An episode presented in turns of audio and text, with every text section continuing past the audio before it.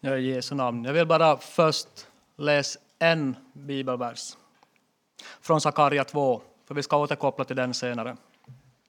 Sakarja 2, vers 8. Ty så säger Herren Sebaot, han som för sin härlighets skull har sänt mig till hedna folken som har plundrat er. Den som rör vid er rör vid min ögonsten, säger Herren. Den som rör vid er rör vid min ögonsten. Alltså Finland och Israel har haft ett speciellt förhållande. Och jag lyssnade till en rabbin som heter David Jairi som berättade att i början på 1900-talet så var Finland ett osjälvständigt land.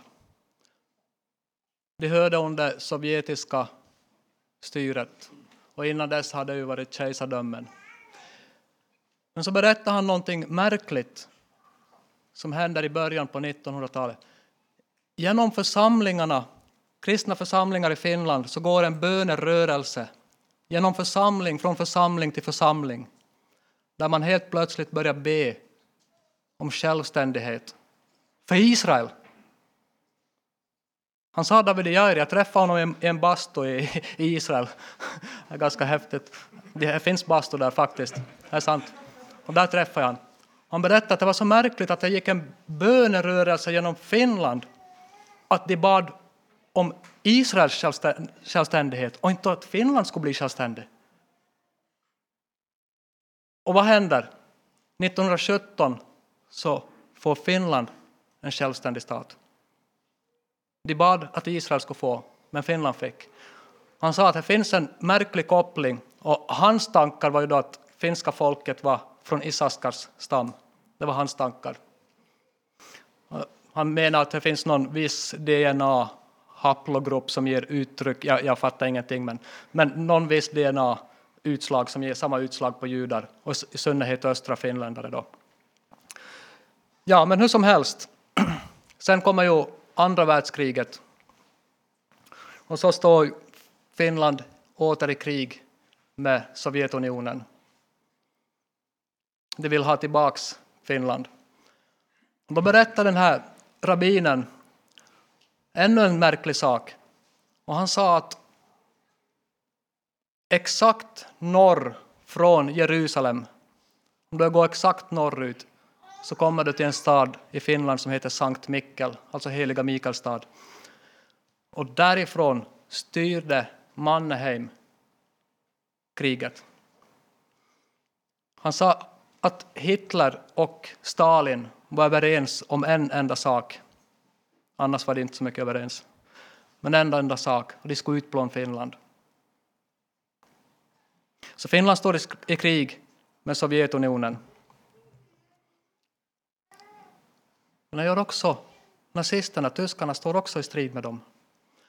Och då hände det sig i början av kriget att några judar lyckas fly undan nazisterna och så kommer de till Finland. Åtta stycken. Åtta stycken judar kommer till Finland. Och nu vet man inte, det är inget försvar, det man gjorde i Finland, det var oerhört hemskt. Man överlämnade åtta judar till nazisterna. Sju av dem blev förintade i förintelselägret. En överlevde och flyttade sen till Israel och bosatte sig där. Men åtta stycken gav man. Allt var inte uppenbart. Ni vet, det som nazisterna gjorde, i synnerhet i början, var ganska mycket dölt i dunkel och man, det var ju inte precis som att man gjorde reklam om det på Facebook, vad man höll på med. Men hur som helst, längre in i kriget, några år senare, jag tror att det var 1940 eller 1941, 40 måste det vara, 1940 tror jag var. Då, då hände någonting. Det kommer några högt uppsatta nazister kommer till Helsingfors på semesterresa, som man sa. Man tar in på ett hotell, lämnar sina saker där, går ut på stan för att roa sig. Finska säkerhetspolisen går ju då, smyger in på hotellrummet deras när de är ute på stan och går igenom väskorna deras för att försöka att få reda på varför är de här nazisterna här. Och då hittar man A4 papper med bara judiska namn på som är bosatta i Finland. Och då förstår man ju vad deras semester går ut på, är att försöka få överlämna judar från Finland till nazisterna. Ja, de här säkerhetspoliserna så rapporterar vidare det här till sin överordnad som rapporterar vidare och vidare. Och så når budskapet Mannerheim. Vad ska vi göra? Hur ska vi handskas med den här situationen? Man gör en snabb överläggning och konstaterar att om vi inte överlämnar judarna till nazisterna så riskerar vi en tvåfrontskrig. Då kommer vi att ha krig både mot Sovjetunionen och möjligtvis mot Hitler. Mannerheim står rådlös, så han går till biskopen och frågar Biskop, hur ska vi handskas? Vad säger Guds ord? Biskopen säger att jag behöver lite tid på det här. Att kom tillbaks imorgon ska jag se om Herren har gett ett svar. Samtidigt så är det en lekmannapredikant som missionerar på fängelser i Sankt Mikkel. Får han bara ett enda ord från Herren, ett enda ord från Sakarja 2, 8. Ty så säger Herren Sebaot, han som för sin härlighets skull har sänt mig till hedna folken som har plundrat er. Den som rör vid er rör vid hans ögonsten. Han får den här bibelversen, och ni vet, ni kanske har upplevt någon gång att en bibelvers fastnar. Och fastnar. Och, och han går där i fängelsen och, och missionerar, och, men han kom som inte... Den här bibelversen bara som etsar sig fast.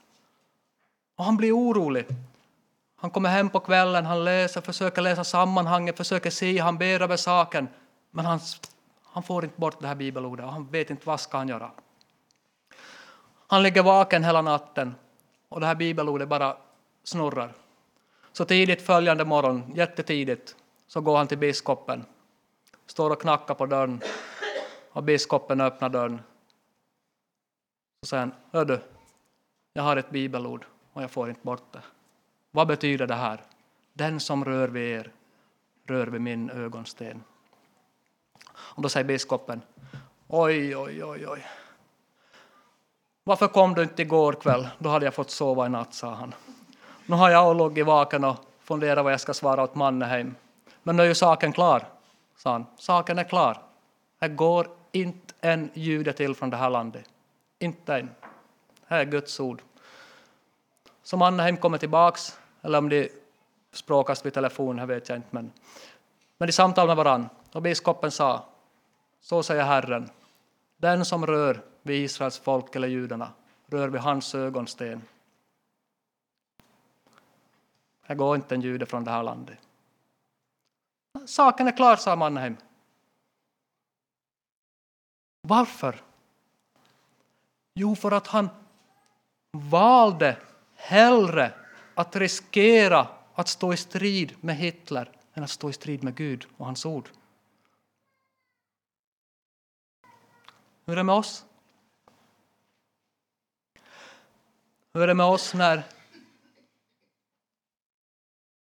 vi har fel åsikter i samhället? När Bibeln visar på en annan väg, en annan tankegång, en annan förhållningssätt till judarna, till Israels folk som Guds utvalda folk. Tar vi hellre strid med massmedia, tar vi hellre strid med samhället idag tar vi hellre risken att bli hängd ut på Facebook och Instagram som grottmänniskor än att stå i strid med Gud. Det är frågan som vi kan ställa oss, faktiskt på riktigt. För vi är grottmänniskor i samhällets ögon om vi står fast på Bibelns ord. Hur som helst, när kriget sen så småningom var slut och allt uppdagades, allt, ja, vi, vi ska inte gå in på för så hemskt, allt uppdagades i alla fall som hände vid, hade hänt vid Tyskland och i nazisternas regi. Då kommer också det här fram, de här åtta judarna som Finland hade överlämnat. Och det här blir en stor sak i Finland. Det blir en stor sak. Och frågan man ställde sig var hur kan vi på bästa sätt återgälda det här för Israels folk? Hur kan vi på bästa sätt återgälda det här åtta stycken? Då kom man på att vi bygger en biblisk, evangelisk, en sån här bibelcamp eller bibelcenter i Israel. Så man fraktar stockar från Finland och bygger upp ett stockhus, ett fint, jättefint, vackert ställe. Jag var där, sov över där. Bygger man upp en sån här bibelcenter och bygger en bibelträdgård i kristen regi. Och så har man byggt bastu där då, ja. rekommenderar jag varmt. Tisdag kväll klockan 19 är för män. Jättefint ställe. Och så får det här stället heta Jad Hashmona, de åtta sönerna. Så är det. Så ta hellre strid med dagens samhälle, med dagens människor, även om det skulle vara så våldsamt som Hitler själv, än att ni står i strid med Gud och hans ord. Tack.